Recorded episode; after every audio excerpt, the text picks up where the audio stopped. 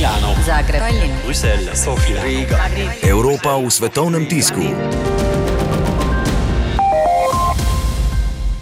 V Le Mondu pišejo, da bodo finančni ministri Evropske unije z izjemo Velike Britanije danes v Bruslju razpravljali o evrskem proračunu.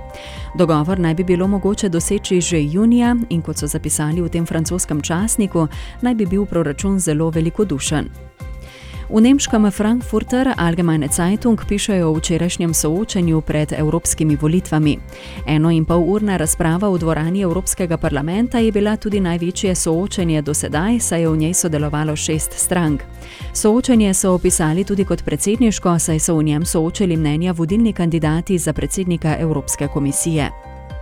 V britanskem The Guardian so zapisali, da večina evropejcev pričakuje, da bo Evropska unija v naslednjih 20 letih razpadla.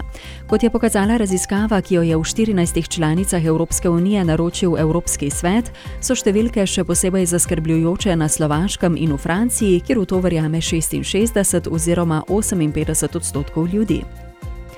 V španskem El Paisu pa v članku z naslovom Nemčija išla iz gospodarske krize in spodbudila rast BDP-ja v evroobmočju, pišejo, da je Evropski statistični urad potrdil gospodarsko rast v prvih mesecih letošnjega leta, ki je bila v celotni Evropski uniji pol odstotna.